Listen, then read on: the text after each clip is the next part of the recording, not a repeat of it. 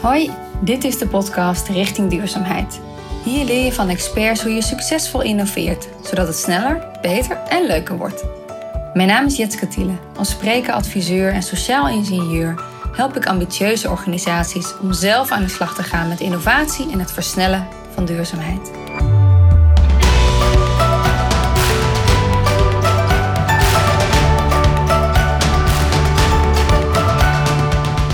Wat mij typeert is wel een soort actiegerichtheid. En uh, continu kijken met wie in plaats van wat gaan we doen, ga ik eerst naar de wie-vraag terug. Hm.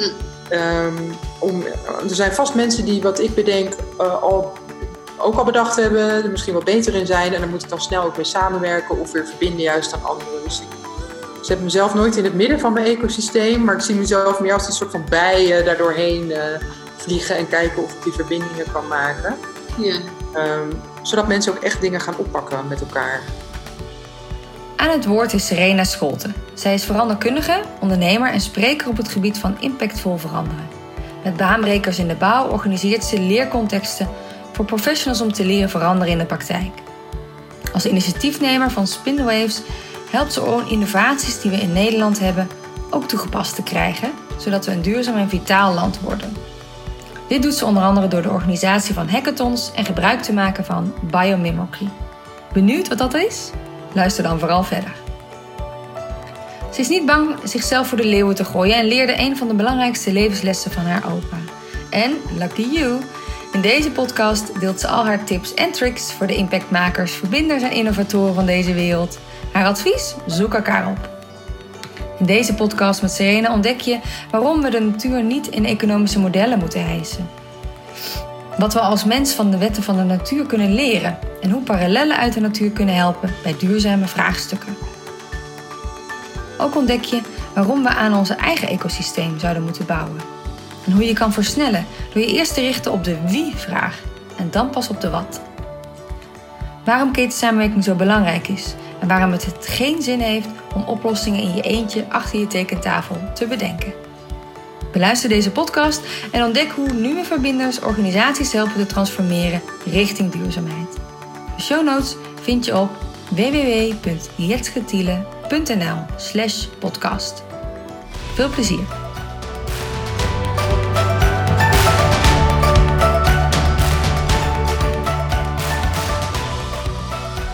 Goedemorgen, hoi Serena.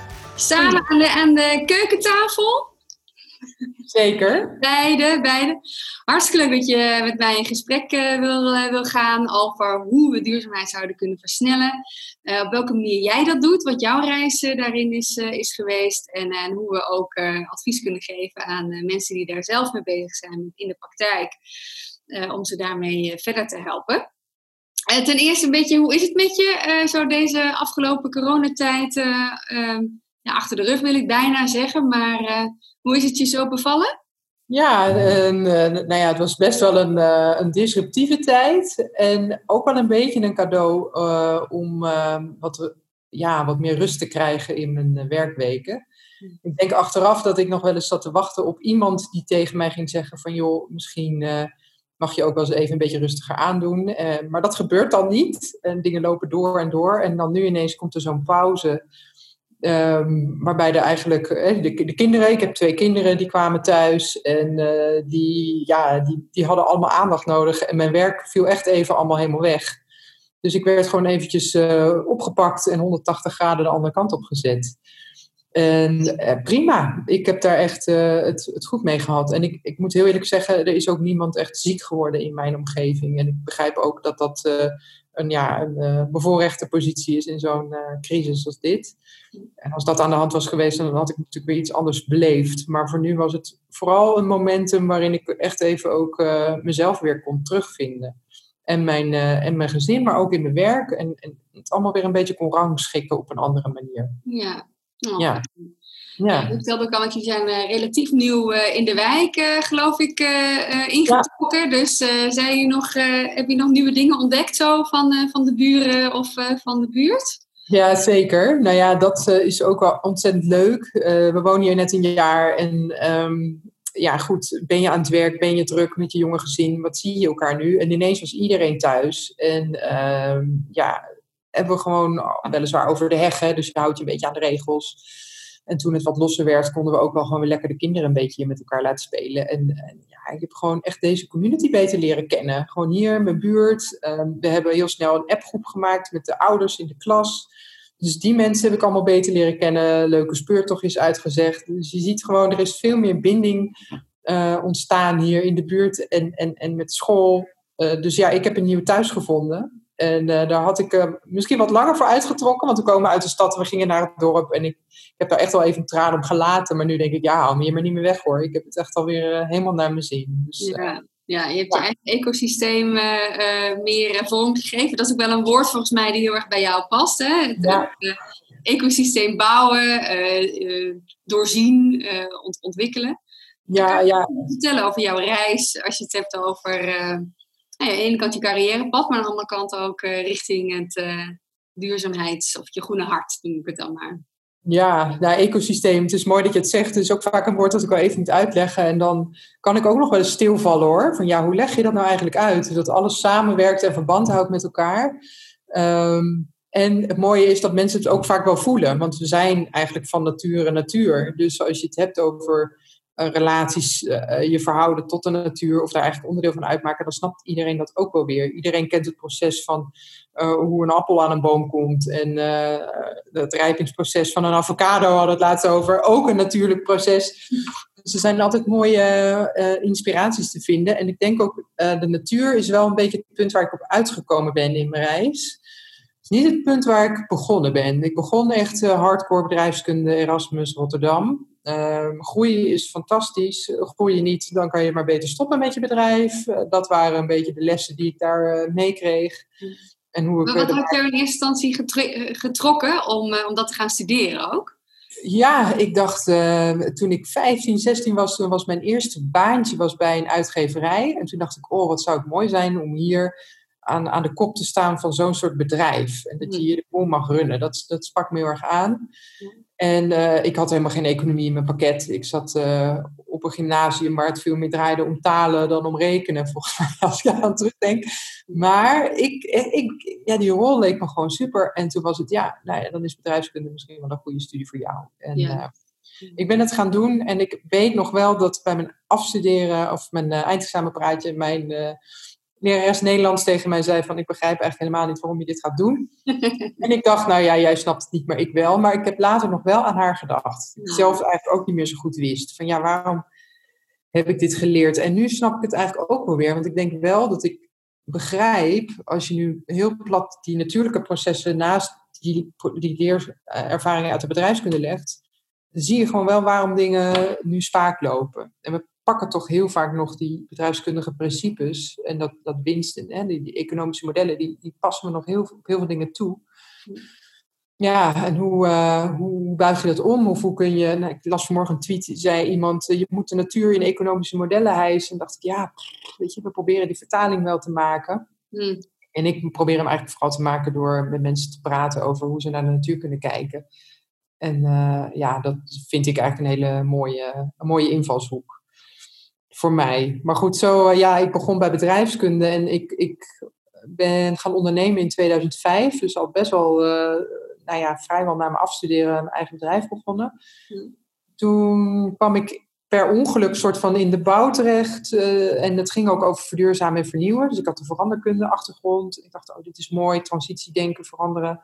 Dat sprak me heel erg aan. En, ja, ik was ook nog jong, dus ik werd een beetje meegetrokken door hoe kunnen we impactvol, hoe maken we het groot? En uh, kom op jongens, kan toch niet langer zo doorgaan. Dus ambitie en drive uh, die je had. Ja, ja, echt zeker. Ik snapte er helemaal niks van. Hoe kun je nou met deze winstmarges en dat gedoe in die sector en die vechtcultuur, waarom praten we daar als we daar toch allemaal nu besluiten dat we dat zat zijn? Uh, dan zijn we er toch klaar mee. En Totdat ik begon te beseffen van ja, maar mensen hebben ook baat bij deze manier van doen. En ja, andere mensen me eigenlijk het inzicht gaven van ja, het wordt niet voor niks ook gekoesterd, hè, Serena, want anders was het al lang weg geweest. Dus toen, uh, ja, toen werd ik een beetje op een plek gezet. Ik denk wel dat dat zo voelde. Van oh, weet je, ja, kom ik met mijn, mijn grote verhalen. En um, ja, hele mooie dingen mogen doen. Onder andere baanbrekers in de bouw in die periode ook op mogen starten. een leiderschapstraject waarbij ik al wel heel snel voelde van dit moet een traject zijn waar mensen zelf de regie pakken, waarin ja, de keten aan tafel zit, dus opdrachtgevers, bouwers, adviesbureaus, iedereen bij elkaar. En mind you, in die tijd werd er tegen me gezegd, ja, dat is illegaal, want we moesten net uit de bouwenquête vernemen dat we ja. Ja, en nu ga jij zeggen dat we dat wel moeten doen. Ja, maar ja, als we beter moeten samenwerken, dan, dan denk ik dat we toch in zo'n setting moeten beginnen met elkaar beter te leren begrijpen. Precies, en jij probeerde echt bewust al een beetje de hokjes uh, open te breken in dit geval. Of in ieder geval dat er verbindingen kwamen. Even ongeacht of het dan niet zozeer om eh, voor projecten en, eh, en, en prijsafspraken, maar juist vanwege het, de hogere ambities en de, de, de visies die we hebben op lange termijn. Ja, zeker. En ik denk wel, het baanbrekersprogramma heeft uh, een hele mooie bodem gemaakt om dan weer richting natuur te kijken. Van de mensen die in die periode zijn, denk ik 500, 600 mensen die het traject hebben doorlopen. Ja, die vormen zo'n mooi netwerk met elkaar. En die vinden elkaar gewoon, die bellen elkaar jaren later nog om dingen met elkaar op te pakken of experimenten aan te gaan. Ja, je ziet ze ook nu op andere functies verschijnen. En en vanuit die eh, leidinggevende posities weer meer invloed kunnen uitoefenen op hoe dingen anders kunnen. Dus er is echt iets ingezaaid. En, uh, en ze benaderen mij nu ook met de dingen weer die ik doe. Dus uh, ik ben echt heel blij uh, dat ik die kans heb gekregen om het baanbrekersprogramma te maken. Ja, wat hebben ze daar dan van geleerd, zeg maar, als je daar doorheen loopt door zo'n programma? Wat, wat, wat, wat is de verandering aan de andere kant van het einde van het programma? Ja, ik denk wel het, uh, het, zelfbewustzijn. Dus weten van hey, als je verandering wil, dan moet jij het ook doen. En dan is het belangrijk dat je gaat bewegen. Dat mensen je horen en dat je iets gaat proberen. En dan hoef je echt niet een soort van de grootste rebel te zijn. Het kan ook zijn dat je juist de aansluiting zoekt bij iemand die, uh, waar je gewoon een groot fan van bent. En je denkt, ik ga jou helpen. Dus uh, veel mensen hebben ook samen experimenten opgepakt. Maar uh, je, ja, je te laten zien en, en, en ervoor te gaan, niet, niet op te geven. Er zijn heel veel projecten ook uh, gedownsized hoor. Dan was het groot en mislepend van we gaan iets.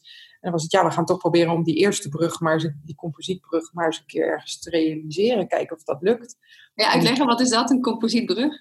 Ja, dat is eigenlijk een kunststofbrug. En uh, ja, die heeft natuurlijk een, een, hele andere levensduur en een hele andere manier. Veel duurzamer zou dat zijn dan uh, een traditioneel gemaakte brug. Veel lichtere brug, een heel ander proces om zoiets uh, in, de, in het landschap te plaatsen. En waren een paar baanbrekers helemaal enthousiast over deze innovatie. En ook een jonge start-up hadden ze daarbij, in die tijd een jonge start-up, nu niet meer, Fibercore um, ja, in de arm genomen en elkaar beter leren begrijpen. Maar dan zie je ook, ja, zo'n jonge start-up, hoe komt die nou dat een opdrachtgever zoals een gemeente hem kent en naar hem gaat vragen?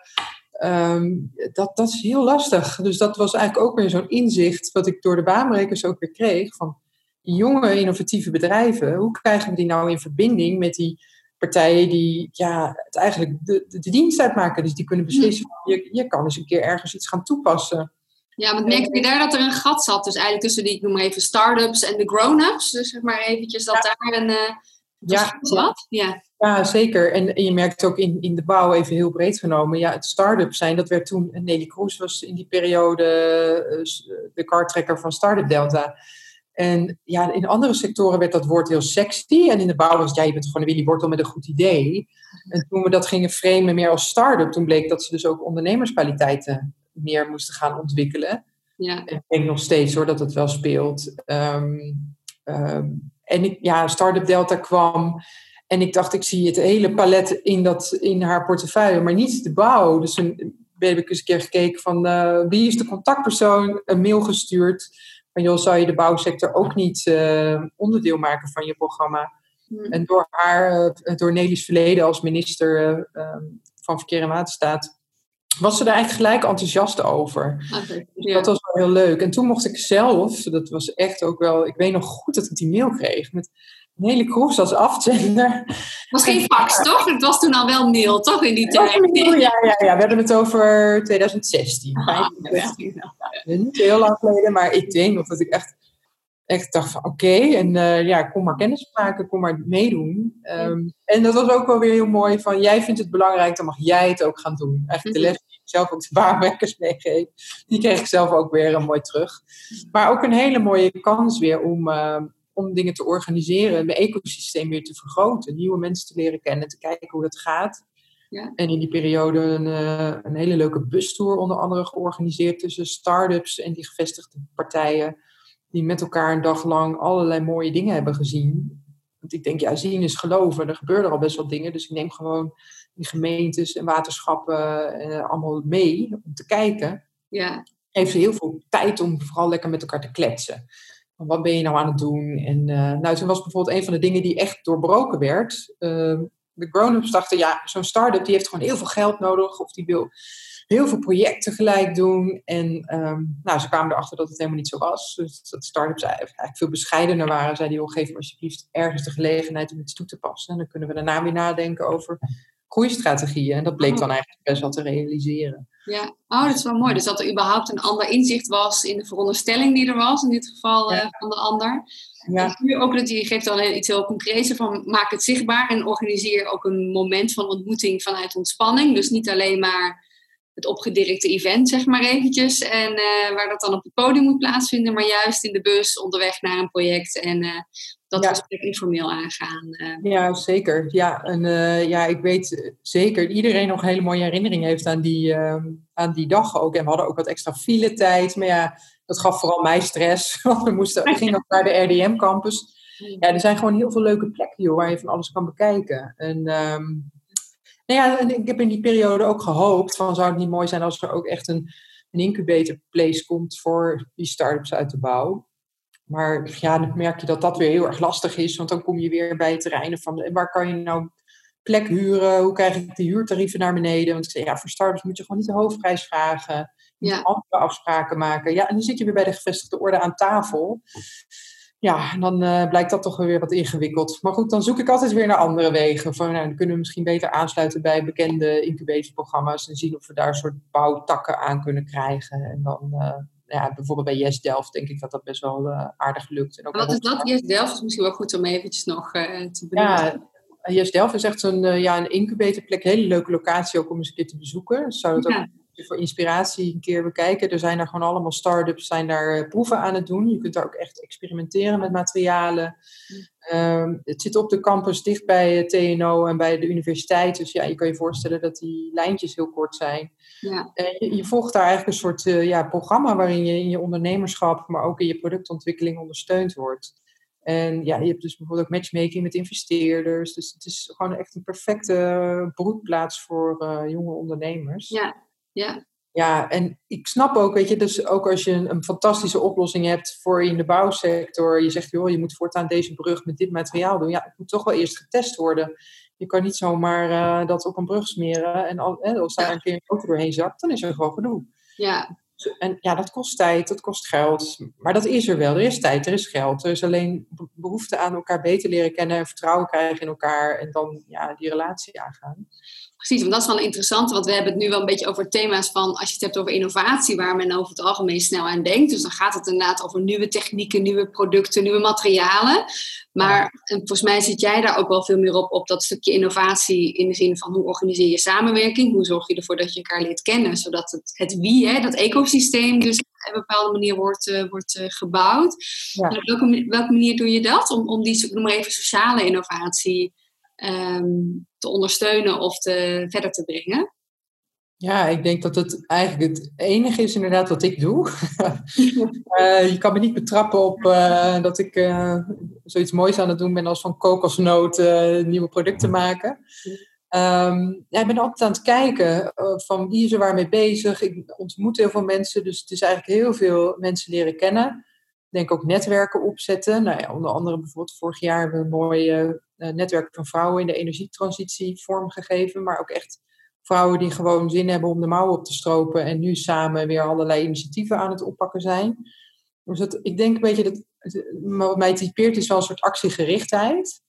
En uh, continu kijken met wie in plaats van wat gaan we doen, ga ik eerst naar de wie-vraag terug. Hm. Um, om, er zijn vast mensen die wat ik bedenk uh, al, ook al bedacht hebben, er misschien wat beter in zijn. En dan moet ik dan snel ook mee samenwerken of weer verbinden juist aan anderen. Dus ik zet mezelf nooit in het midden van mijn ecosysteem, maar ik zie mezelf meer als een soort van bijen daardoorheen uh, vliegen en kijken of ik die verbindingen kan maken. Ja. Um, zodat mensen ook echt dingen gaan oppakken met elkaar. Dat is mooi. Je zegt heel bewust, hè, want, want het projectgestuurd onderwijs of het projectgestuurd uh, werken gaat dan heel erg over het wat. Hè. Wat gaan we precies doen en hoe krijgen we dat voor elkaar? En dan komt daarna ja. een keertje, oh ja, met wie doen we dat dan? Maar jij draait hem echt heel bewust om. Nee, met wie doen we dit? Uh, ja. ja. Ja, zeker. Heb jij, geloof ik, een spinbase ook een beetje ingericht, noem ik het dan maar. Kan je daar iets over vertellen? Ja, Spinwaves is in dat opzicht wel echt een, een community uh, in internationale. Ik ben ook echt wel uh, ja, trots op die groep mensen. Um, het is begonnen vanuit uh, de, de connectie die ik had met Startup Delta en de hackathon die wij hebben georganiseerd in 2016. Dat was gelijk een hele grote. Dat je denkt, probeer eerst iets klein en leer dan van. Nou, dit was een soort omgekeerd model. Ook heel uitdagend. maar wel heel leuk, want ja, um, verschillende plekken in Nederland eh, opdrachtgevers die vraagstukken neerleggen. Ik ontdekte bijvoorbeeld dat die start-ups niet per se ook dus heel veel geld wilden, maar juist die uitdagingen, toegang wilden hebben tot uitdagingen. Um, van waar zit een opdrachtgever nou echt mee en, en hoe kan ik daar een oplossing voor bieden? Al dan niet door ook samen te gaan werken, want vaak heeft een start-up een, een, een, stukje van een oplossing, maar niet het totale. Dus die moeten ook nog wel het een en ander organiseren aan de andere kant. Mm Um, dus een hackathon biedt eigenlijk een soort context waarin je in een dag of twee dagen werkt aan het maken van die verbindingen door te werken aan een concreet concept een oplossing. En de Spinwaves community, ja, dat zijn eigenlijk hackers, het is een super divers gezelschap. Ik ben ervan overtuigd van hè, die, die vraagstukken die altijd maar weer op diezelfde tafels liggen. Hè, die gaan weer naar de ingenieursbureau en dan zitten diezelfde mensen weer naar te kijken. Daar moeten we echt compleet doorheen durven te schaatsen om nu uh, die duurzame andere oplossingen te krijgen. Dus leg ze maar eens ergens anders neer en kijk maar wat er gebeurt. Ja. En dat doen we met hackathons. Dus we halen op, opdrachten op bij, uh, bij gemeentes, bij, bij projectontwikkelaars, bij uh, nou, we hadden de Universiteit van Amsterdam vorige week als opdrachtgever. Dus het gaat ook over organisatievragen. Ja, ja en dan, dan halen we een vraagstuk op waarvan ze zeggen, ja, daar komen we gewoon zelf niet uit. We weten gewoon niet dit te doorbreken. Kom eens met ideeën. En dan gaan we aan de slag met onze hackers. Uh, aan het, ja, en hackers bedoel je dus geen computerhackers mee? Maar wat, wat zijn dan de hackers die je daarbij betrekt? Ja, het zijn echt mensen die passie hebben voor het vraagstuk. Dus die zeggen van, joh, ik vind het wel heel erg leuk, ik wil hierover meedenken. Of er zijn ook wel eens mensen die zeggen, ja, ik heb al jarenlang de oplossing voor dat probleem op de plank liggen, mag ik ook meedoen?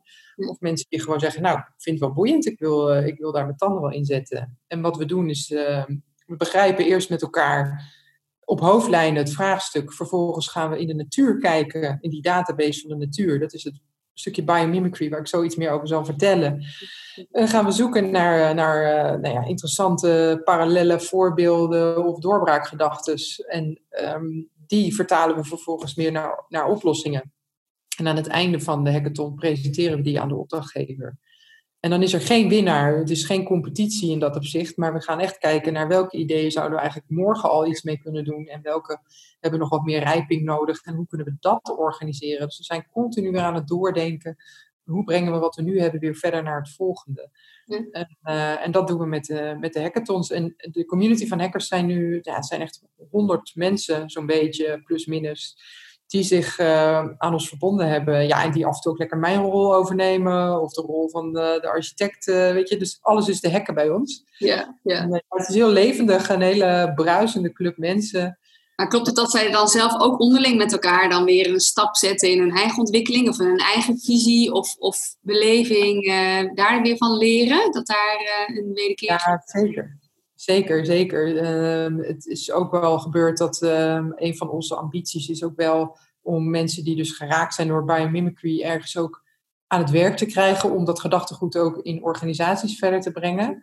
Ja, dat is dan nu twee, drie keer gelukt. En dan, uh, nu werkt er bijvoorbeeld iemand bij Rijkswaterstaat die uh, hier uh, mee, ja, hierdoor aangestoken is. En dan, ja, dat geeft gewoon echt wel een tof gevoel. Want ik denk dat je met biomimicry echt heel veel vraagstukken kan oplossen. Ja. Ja, dat is een goed, een goed bruggetje om het toch even toe te lichten.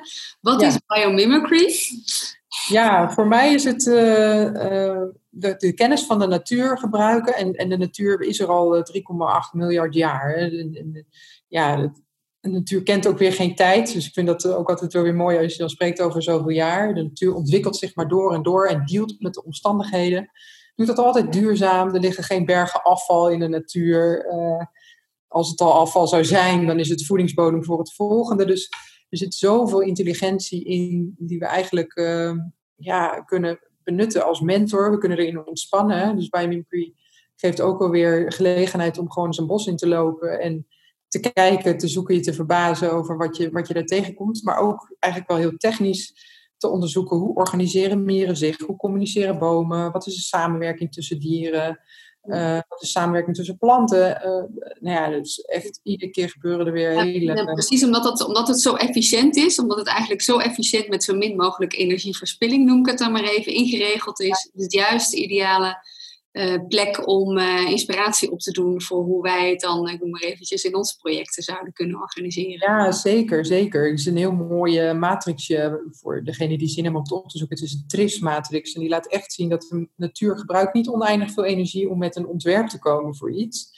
En ook als iets niet werkt, dan neemt de natuur er heel snel afscheid van. Dus als jij celdeling hebt in je lichaam en er zitten cellen bij die gewoon niet helemaal goed gelukt zijn, dan heeft je lichaam daar gewoon een prachtig systeem voor om dat uh, ja, zo snel mogelijk uh, ervan af te komen. Maar dan denk ik even heel menselijk weer naar onze projecten. Ja, wij kunnen soms best wel dingen in leven houden en een beetje energie in blijven stoppen, waarvan je misschien kan denken, hm, misschien moeten we toch snel door naar het volgende ontwerp. En uh, heeft dit zijn doel gediend? Hè? Leren we de lessen ervan? Dus feedback loops, het snelle leren, dat zijn wel parallellen uit de natuur die we heel veel in hackathons ook terug zien komen. Als het gaat organiseren. Ja, zeker.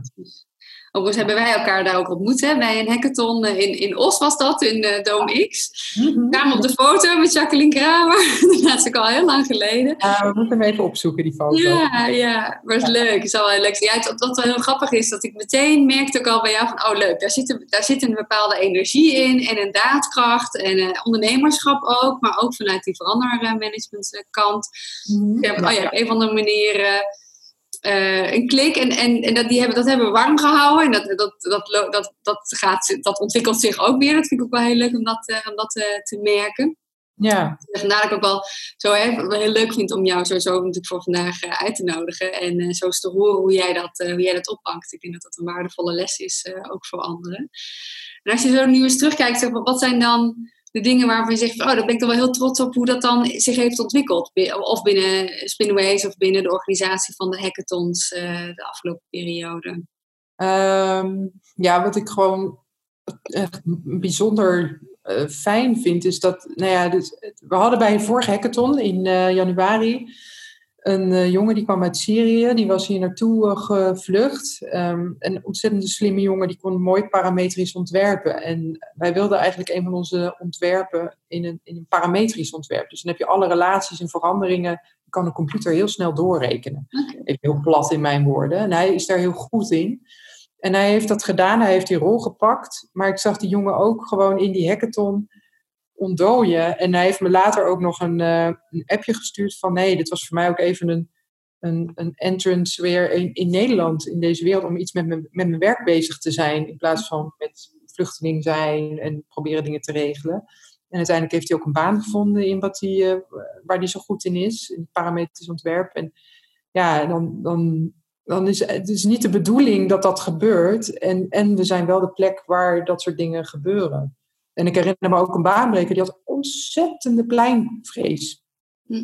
Maar dat wist ik niet. En uh, in het programma is het iedere keer weer van wie bereidt de volgende keer voor. En uh, ik weet nog dat zij toen wel haar hand opstak en zei: Ja, ik wil de volgende keer dan wel. Uh, maar dat bleek dus dat ze een hele grote drempel over moest. En dat heeft gedaan, die handschoen opgepakt, heeft voor die groep gestaan, ze heeft het allemaal geregeld. En later zei ze: van ja, doordat ik dat moment heb gepakt, ben ik van mijn pleinvrees afgekomen. Wow. En ja, en ze heeft kinderen. Ze zegt, ik kom ook veel meer nu met ze buiten. En ze is nu zelf ook coach geworden. Dus ze vindt het ook heel leuk om juist weer voor groepen te staan. Dus die heeft echt iets, iets wezenlijks in haar leven. Is het, ja, heeft ze de context gekregen om dat, uh, om dat te veranderen.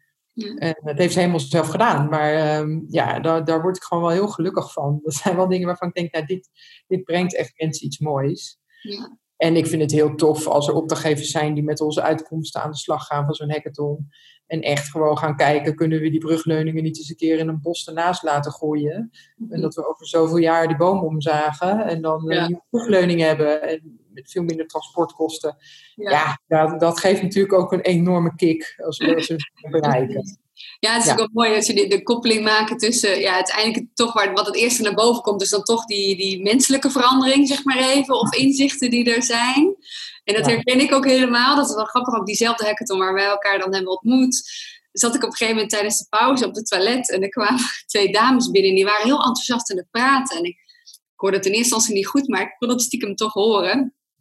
En dat waren dus degenen die in onze workshop uh, zaten en uh, vanuit waterschappen. En eigenlijk die in eerste instantie een beetje binnen waren gekomen van ja, wat, wat kom ik hier eigenlijk doen? En uh, het is allemaal nog een beetje vaag en ja.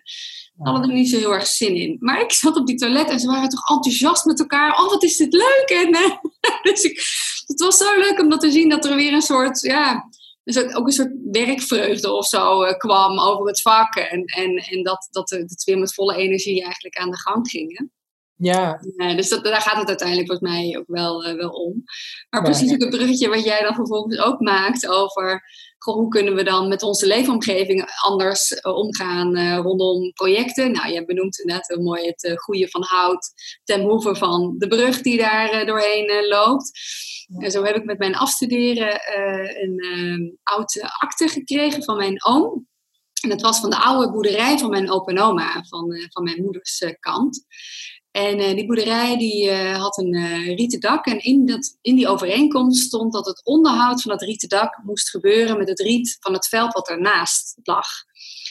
Dus dat, het stond gewoon letterlijk omschreven in de juridische papieren over hoe je lokaal eigenlijk omgaat met je, met je, met je materialen. En, ik, en dat, dat, ik gebruik hem ook nog wel vaak, ik heb hem ook nog natuurlijk gekoesterd.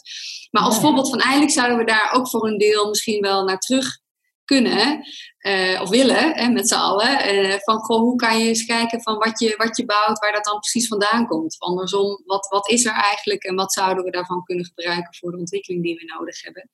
Dus ja. op die manier uh, de link leggen. Dus, ja, dat is wel mooi hoor dat je dat zegt. En, we hebben een hele mooie hackathon, die gaan we in september doen, voor de oh, in Amsterdam. Nou, die waren volgens mij gisteren nog in het nieuws van uh, hè, ze zijn uh, in een slechte staat eigenlijk, kort samengevat. En ja, wij gaan hem hacken, waarbij bij ons natuurlijk weer belangrijk is, hoe doen we dat op een manier zodat er ja, waarde toegevoegd wordt aan, uh, aan het leven daar. In plaats van dat we denken aan nou ja, een hoop overlast, ellende en gedoe. En dan is het wel weer stevig voor de komende jaren. Dus we willen eigenlijk zowel het proces zelf als de resultaten die eruit komen van toegevoegde waarde laten zijn. Ik weet nog helemaal niet natuurlijk wat eruit gaat komen. Maar ja, het zijn voor ons wel natuurlijk echt of het over momentum gaat en op de juiste plek.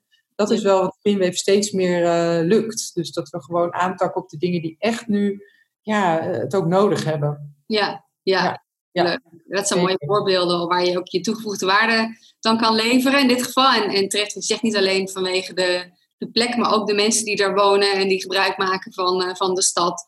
Hoe dat in ja. combinatie uh, dan uh, kan zijn. Zeker. Leuk. Oh, nou, leuke dingen allemaal. Maar ik was nog wel ook benieuwd, want, want uh, je hebt inmiddels al ook een heel traject. Ik had al een beetje over, goh, wat zijn dingen waar je trots op bent zo binnen de projecten. En als je daar nu zo eens op terugkijkt, zeg maar, als een soort reflectie van, van waar komt jouw veerkracht vandaan om ehm, uh, het proces op deze manier uh, aan te pakken. Kan jij dat uh, terughalen? Ja, ik denk dat het in mijn geval een combinatie is van ehm, willen blijven leren en ontwikkelen. Dat ik dat gewoon het allerleukste vind om in het leven te doen. Ja. Dus ik probeer ook heel veel nieuwe dingen uit. En ik blijf gewoon uh, mezelf een beetje voor de leeuwen gooien. Kijken wat er dan. Hè, en soms is het niet zo succesvol en soms heel erg. En, uh, of ertussenin. Nou ja, dat, maar iedere keer krijg ik daar wel weer energie van. Um, en ik denk ook dat ik wel uh, in staat ben om dingen die gewoon niet lopen of niet werken, om daar wel afscheid van te nemen. Om, uh, ja, dat is misschien een beetje een les die ik in mijn familie uh, heb meegekregen. Van je moet de bladzijde gewoon omslaan. Je, soms is het gewoon klaar. Ik herinner me nog heel levendig dat mijn opa naar een verpleeghuis moest, uit zijn huis ging. En dat ik echt zei van, ja, je opa, en hoe is dat dan? En wat een gedoe allemaal. En dan zei hij gewoon, meid, ik sla de bladzijde gewoon om. Oké, zo is het leven. En um, ja, die levenshouding, zo is het leven ook. Weet je, je kan er heel lang in, in, in, dingen blijven hangen, maar daar heb je uiteindelijk toch, als je de lessen eruit gehaald hebt, dan moet je ook door. En dan komen er ook echt wel weer nieuwe dingen. Dus dat, heeft zich ook door de jaren heen wel een beetje bewezen. Nou, ik begreep dat jij uh, net uh, 40 bent geworden en ik ga dat volgend jaar aantikken. Yay. Ja, ja, ja, dat is ook wel een leeftijd waarop je ook weer ja, op prachtig mooie dingen kan terugkijken. En, uh, en inderdaad dit soort conclusies wel kan durven te trekken. Het gaat bij mij om leren en om ja, dat snelle leren ook gewoon snel afscheid nemen van dingen. Ja. Doorpielen. Ja. Ik vind het wel mooi. Ik, ben wel, ik vind het wel heel leuk om daar van jou van te leren.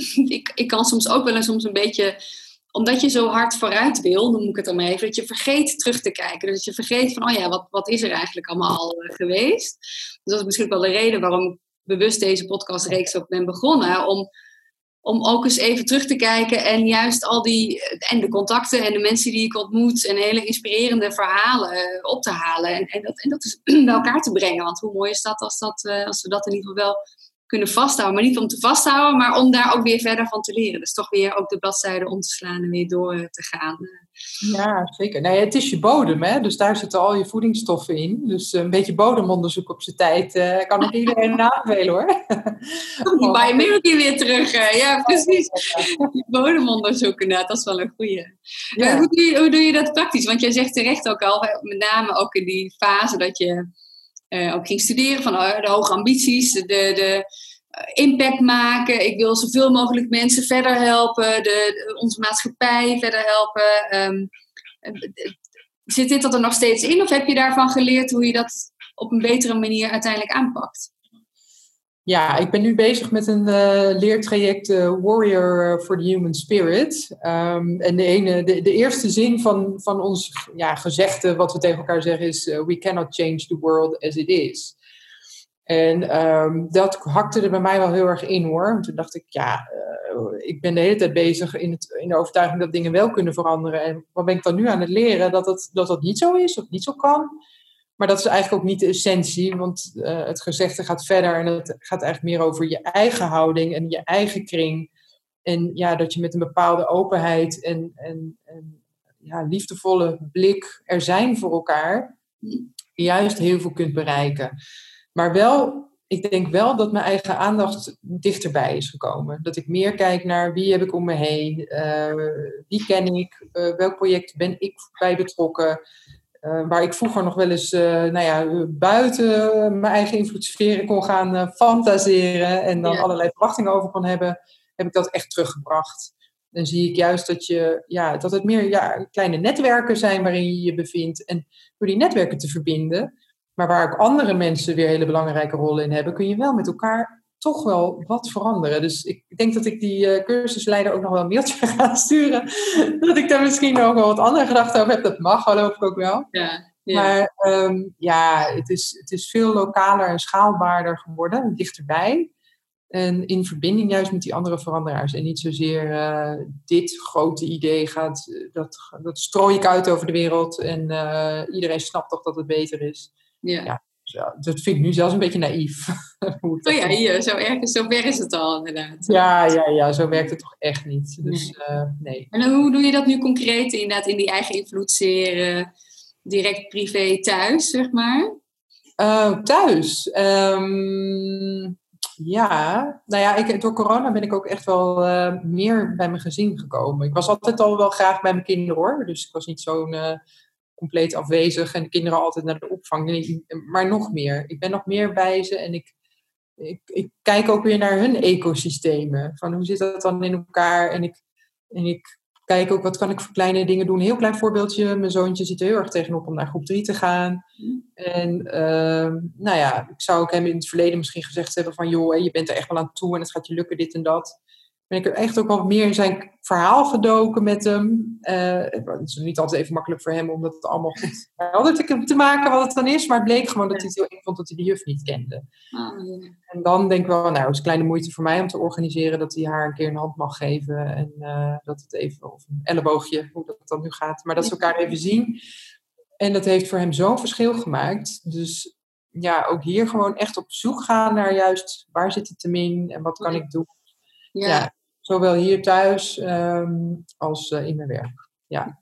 Dus dat is een mooi, mooi voorbeeld wat je zegt, van dat je misschien vanuit het, nou niet het oude denken, maar in ieder geval vanuit een soort overtuiging normaal van, oh, ik ga hem helpen te stimuleren, motiveren. Hè? Dus, dus dat komt toch ja. goed. Of, uh, we hadden dat precies hetzelfde hier thuis, dat wij ook in die coronatijd op een gegeven moment moesten buigen van, hoe doen we dat met z'n allen samen, met het thuiswerken ook en zo. En toen heb ik ook letterlijk op een gegeven moment een soort lean planning op de raam gehangen van wat, wat moeten we doen, waar zijn we nu mee bezig en wat hebben we gedaan met post-its. Dat vonden ze heel fijn, dat was dat hielp heel erg. Maar het wat nog belangrijker was, dat op een gegeven moment ja, goed, als je uh, ketensamenwerkingen begeleidt, dan ga je ook van nou, hoe werken we met elkaar samen? Dan ga je ook daar met elkaar doorheen. Dus dat heb ik op een gegeven moment ook hier thuis gedaan. Ik had heel knullig, maar ik dacht, nou, laat ik het ook maar eens doen. Goh, wat vinden we eigenlijk fijn werken en, en, en wat niet? En toen kwam er uiteindelijk iets heel simpels uit, is uh, dat we vertellen aan elkaar wat we nodig hebben. En, uh, en dat, was, dat is zo'n verandering geweest voor ons alle vier. Van gewoon aangeven, ja, ik heb nu even rust nodig. Oh mama, je wil van alles van me, maar ik wil het nu even niet, want ik heb dit nu even nodig.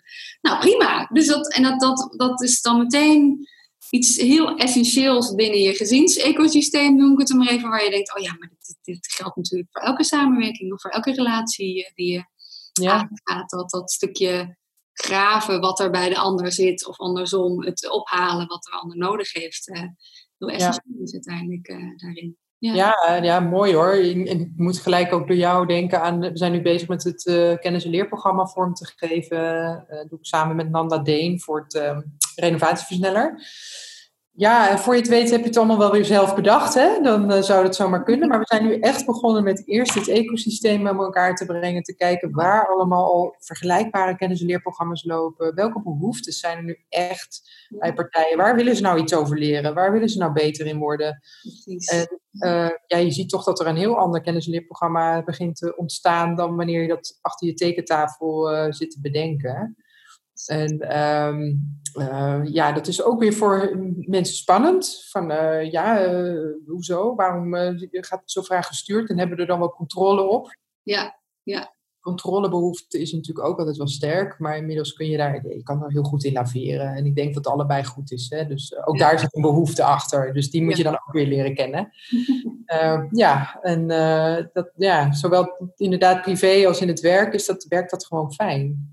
Ja. Ik denk ook door de jaren heen, je leert jezelf ook wel goed kennen door, ja, van wat zijn mijn sterkte en zwaktes. Maar het hoeft in het leven ook niet alleen maar meer over mij te gaan. Kan het, dat kan ook al gewoon even aan de kant. En dan zien van wat hebben anderen nu echt nodig. En uh, ja, dan kom ik ook alweer terug bij mezelf voor, van wat heb ik dan nodig. Maar het is niet het vertrekpunt. Nee, ja, ja dat is een andere invalshoek inderdaad. Ja, ja, welke advies of welke tips heb jij voor mensen die in organisaties werken? En uh, innovatie of het leren of het, het verbinden. Eigenlijk hè, die Webber noem ik het dan maar even. Hè? Dus de, Webber in de zin van de verbindingen leggen, zoals jij, uh, zoals jij dat ook uh, doet. Die rol heel fijn vinden of heel leuk vinden, maar hoe, hoe kunnen ze beginnen? Hoe kunnen ze starten om dat voor elkaar te krijgen binnen hun eigen organisatie? Ja, zonder dat je je eenzaam en alleen voelt in een heel andere nou ja, het, het, het, is heel voor de hand liggend. Zorg ervoor als webber dat je snel uh, collega-webbers om je heen verzamelt. Um, in, een, in een ecosysteem. En dat is er, dat, dat zoomt om ons heen. Dus je kan daar wel echt wel je ingangen in vinden. En dat gaat je helpen om, dat, om ja, erkenning te krijgen voor hoe je werkt, maar ook om de juiste tips te krijgen. Uh, en dat, ja, misschien in een staande organisatie is dat wat lastiger om dat dan uh, verklaard te krijgen ik moet denken aan een baanbreker die echt uh, altijd de projectleider infra is gebleven, maar eigenlijk haar hele werkportefeuille zag er totaal anders uit. Dus uh, ja, vooral als ik dan de gesprekken heb met uh, de waarderingsgesprekken, de cyclus van HR, dan is dat zo schrijnend. Want dan stellen ze allerlei vragen aan mij en daar heb ik echt geen zinnig antwoord op te geven. Maar ik wil eigenlijk over hele andere dingen praten. Mm. Dus, dus het verschil tussen wat, waar ze haar toegevoegde waarde zat, zat in dat systeem gewoon niet ingebed. En ik kan me voorstellen dat dat voor veel webbers aan de hand is. Ik heb nu ook een, een mooi onderzoek mogen doen voor TKI Urban Energy en drie webbers mogen volgen in de praktijk. En wat blijkt, die rol is eigenlijk ook nog zo in de kinderschoenen. Dus je bent gewoon iets aan het doen wat ook nog steeds gewoon best wel nieuw is. En dat kan wel een eenzame rol zijn, maar ik zou zeggen, geef niet op, want er komt steeds meer erkenning voor dit werk. En dat het belangrijk is. En dat je recht hebt, dat je het het beste kan doen, laat ik het zo zeggen, als je een mandaat hebt om, om als webber te opereren. En dat je ook budget hebt als het nodig is. Dat je beslissingen mag nemen. Dus dat je ook echt leiding mag nemen over die horizontale netwerken. Uh, die dwars door al die organisaties heen lopen. Uh, en beseffen ons, hè, dat, we kunnen het niet meer in de kolommen oplossen. We kunnen het niet meer met één organisatie. Dus wees blij dat je webber bent. Of wees blij dat je webbers in je organisatie hebt. Die in staat zijn om, uh, om te doen wat nu echt nodig is. En, en durf daar ook voor te gaan als webber. Dus maak jezelf ook niet te klein. Van ja, ik ben dan maar die verbinder. En het is ook een tijdje een beetje zo grappig woord geworden. Oh, of doe je zeker niks. Nou ja, dat is, daar ben ik absoluut uh, van overtuigd dat dat onzin is. Dus ga gewoon voor, uh, voor die rol. Mooi. Heel belangrijk. Ja, oh, fijn. Want ik denk dat, uh, precies wat jij ook al zegt, dat het iets is waar we de meerwaardes in zien. Waar er juist ook ehm, volgens mij de ontwikkelingen ook eh, plaatsvinden door, door dat soort verbindingen. Maar dat het de rol zelf niet of serieus werd genomen, maar wel steeds meer gelukkig. Hè? Jij benoemt het nu ook heel specifiek. Ik zag het toevallig ook afgelopen week. Nou goed, Jan Rotmans is daar sowieso al wel een uh, voorvechter voor. Maar uh, weer een artikel van me voorbij komen over het belang van die verbinders. Uh, dus dat het ook echt op die manier ook erkend mag worden als een als een functie, als een functieprofiel of als een, als een, als een rol daarin. ja. ja, zeker. Weet je, het is vaak een bijrol. Voor deze drie mensen was het ook. Nou, voor één was het echt zijn baan. De andere twee die hadden nog drie andere banen erbij. Ja, en denk, hoe belangrijk is het? Hè? Kan je in twee uur in de week echt een goede webber zijn? Nou, ik, gezien alle complexiteit en toename, denk ik van niet. Nee, ja, dus ja. Het, ja, het is het is een beetje dat sommige mensen doen het moeiteloos, hè, van oh, dat hoort erbij. Dus dan, uh, maar pas dat iemand anders, als ze daarmee spreken, dat eigenlijk pas erkent. Weet je, het voorbeeld van een jampot. En als je in een jampotje zit, dan zie je niet wat voor een etiket er aan de buitenkant zit. Mm-hmm. Dus je hebt dan eigenlijk iemand anders van de buitenkant nodig die zegt, ja, maar jij bent, jij bent een webber, of jij bent, een, of, of jij bent dit, of ja, ja, dat is toch heel normaal? Ja, nee, dat is blijkbaar niet normaal. Dat, want want dat, dat doen maar een paar mensen van nature, zeg maar. Dus het is goed om dat dan ook te erkennen. Dus. En wij praten nu heel gemakkelijk samen over webbers. En ja. ik weet dat deze term ook nog hartstikke nieuw is. dat is ook een goeie, ja. Ja, en weet je, dat is net als met die start-ups uh, in de periode dat ik daarmee bezig was, dat dat ook een nieuwe term was. Ja, het is helemaal niet erg. Laten we het gewoon omarmen en uh, ontdekken met elkaar wat het is. Ja. Maar dan is ook een plek, hè? dat is ook een beetje de, het spel van de taal. Dus geef het een naam en, en dan gaan we er wel betekenis aan geven met elkaar. En dat is, dat is denk ik voor de webbers nu een heel cruciaal moment. Ja, ja, belangrijk. Dankjewel. Ja, we gaan uh, zo afronden, want we zijn al, al lekker aan, aan, aan, het kletsen. Zo. Ja. Uh, ik ben nog even te kijken of ik nog een laatste vraag had. Een leuke uitsmijter eh, voor je. Um, want jij benoemde al wel van, oh ja, welke tips heb je dan voor die professional in die organisatie? Heb je nog hele concrete dingen hoe, hoe je nou zo'n bijeenkomst organiseert? Uh, bijvoorbeeld zo'n hackathon uh, waar we het net over hadden, van, van hoe ziet dat er dan uit en, en, en wat doe je dan precies? Um, ik denk bij een hackathon zijn we ook vooral aan het kijken of we energie kunnen richten op een vraagstuk. Ja. Dus uh, het is heel fijn dat we dat heel breed kunnen uitzetten en dan zien gewoon wie enthousiast is. Um, Einstein zei, hè, we moeten naar een andere mindset toe om uh, onze vraagstukken op te lossen, even in mijn woorden. Maar ik ben daar wel van overtuigd. Dus dat doe je alleen maar door ook weer helemaal open te durven gooien. En dat vinden mensen heel spannend. Dus iedere keer weer die balans hebben tussen hè, in hoeverre heb je controle over dingen, of kun je mensen geruststellen in je proces. Ja. Uh, hebben ze er vertrouwen in en dat groeit naarmate je het vaker doet en mensen gewoon uh, de resultaten zien die je hebt kunnen behalen. Maar als je daar net mee begint en het is allemaal nog spannend, um, ja, dan zou ik willen zeggen, ga dan op zoek naar de goede voorbeelden die jou kunnen helpen. En ik, ik stel mezelf gelijk nu ook beschikbaar voor de andere webbers ja, als je behoefte hebt aan, uh, aan goede voorbeelden die kunnen laten zien dat andere manieren van werken resultaten opleveren, uh, of in ieder geval stappen verder brengen, dan kan ik daar, dan, dan deel ik alles. Ik vind het open source gedachte echt heel uh, bevrijdend. Ja. ja. ja. Dus het laat ook inderdaad gewoon zien dat je, het is niet een idee wat je in je eentje had en wat je een keer wil proberen. Daar, daar heb je vaak weerstand op. Dus probeer dat uh, gewoon lekker breed te houden. En um, ja, ik, ik, ik geloof heel erg in diversiteit. Dus ik ben ook altijd een beetje aan het kijken hoe kunnen vrouwen meer invloed krijgen in processen. Want het is toch ook wel een beetje een door mannen gedomineerde wereld.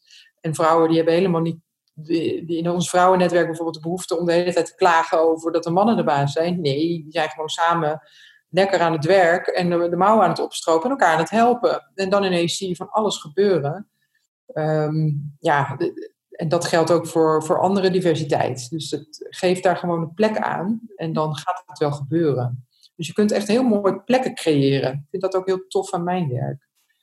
Dat er, dat er momentum is om iets, uh, om iets te laten gebeuren tussen anderen. Ja, ja. ja. Wat zou jouw droom nog zijn voor de komende vijf jaar of misschien tien jaar? Wat zou, stel dat het voor elkaar komt, wat zie je dan voor je? Nou, ik zou het heel tof vinden als we nog meer verbindingen zouden maken tussen de opgaves die we hacken. Want ik denk dat heel veel uitkomsten die we creëren ook voor andere vraagstukken hmm. super toepasbaar zijn. Hmm. Ehm, en ik zou het ook mooi vinden als er dit idee van wat wij doen met de Biomimicry Hackathons gewoon lekker gehackt wordt en er iedereen daarmee eh, aan de slag kan gaan. Ja. Zodat het heel bruisend en levendig wordt. Het lijkt me echt super interessant om te zien en ook heel belangrijk uh, voor waar we nu staan in het verduurzamen. Ja. Mm, ik denk dat ik uh, voor mezelf, ja, ik, ik vind het gewoon super als, als het zo door mag gaan zoals het nu gaat. Als ik er gewoon bij mag blijven en betrokken mag zijn, mooie vragen gesteld krijg, waar ik me weer voor mag inspannen. Ik geloof wel dat mensen steeds meer in de gaten hebben wie ik ben en hoe ik de dingen doe en daar ook steeds meer om gevraagd wordt. Zoals je toch, ik weet niet of het heel herkenbaar is, maar je begint als jonge vrouw, dan word je nog wel eens gezien als uh, een bepaald type wat een beetje makkelijk meebeweegt. En die gaat het allemaal wel een beetje regelen en organiseren. En dan blijkt je in de praktijk toch iemand te zijn met een mening en die dingen anders wil doen. Dan kan dat nog wel eens tot spanningen leiden, maar dat is niet meer zo. Ik denk dat er wel een soort van herkenning is nu in, oh ja, maar als je Serena vraagt, dan moet je dat soort vragen daar neerleggen. Dus dat is een betere match. En dat, ja, ik hoop dat dat blijft. En dat ik daarin uh, gewoon lekker door mag gaan. En iedereen gezond en gelukkig blijft in de omgeving.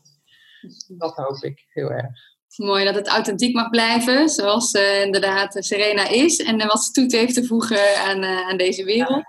Ja, zeker. een belangrijke les ook dingen uitproberen. En als het niet gaat, dus de bladzijde ook gewoon weer omslaan. En met veerkracht ook weer het volgende op te pakken ja, verbindingen met elkaar aan te gaan. Dus het ecosysteem ook voor jezelf te bouwen. Dat is even wat ik nu heel kort en bondig uh, probeer samen te vatten. Ja, ja, ja. Je hebt meer rijkdom om je heen uh, dan je denkt. Als je zo kijkt naar de lessen die je kan leren of de mensen die je om je heen hebt. Dat zijn hele belangrijke uh, elementen. Mooi. Dankjewel Serena. Super bedankt.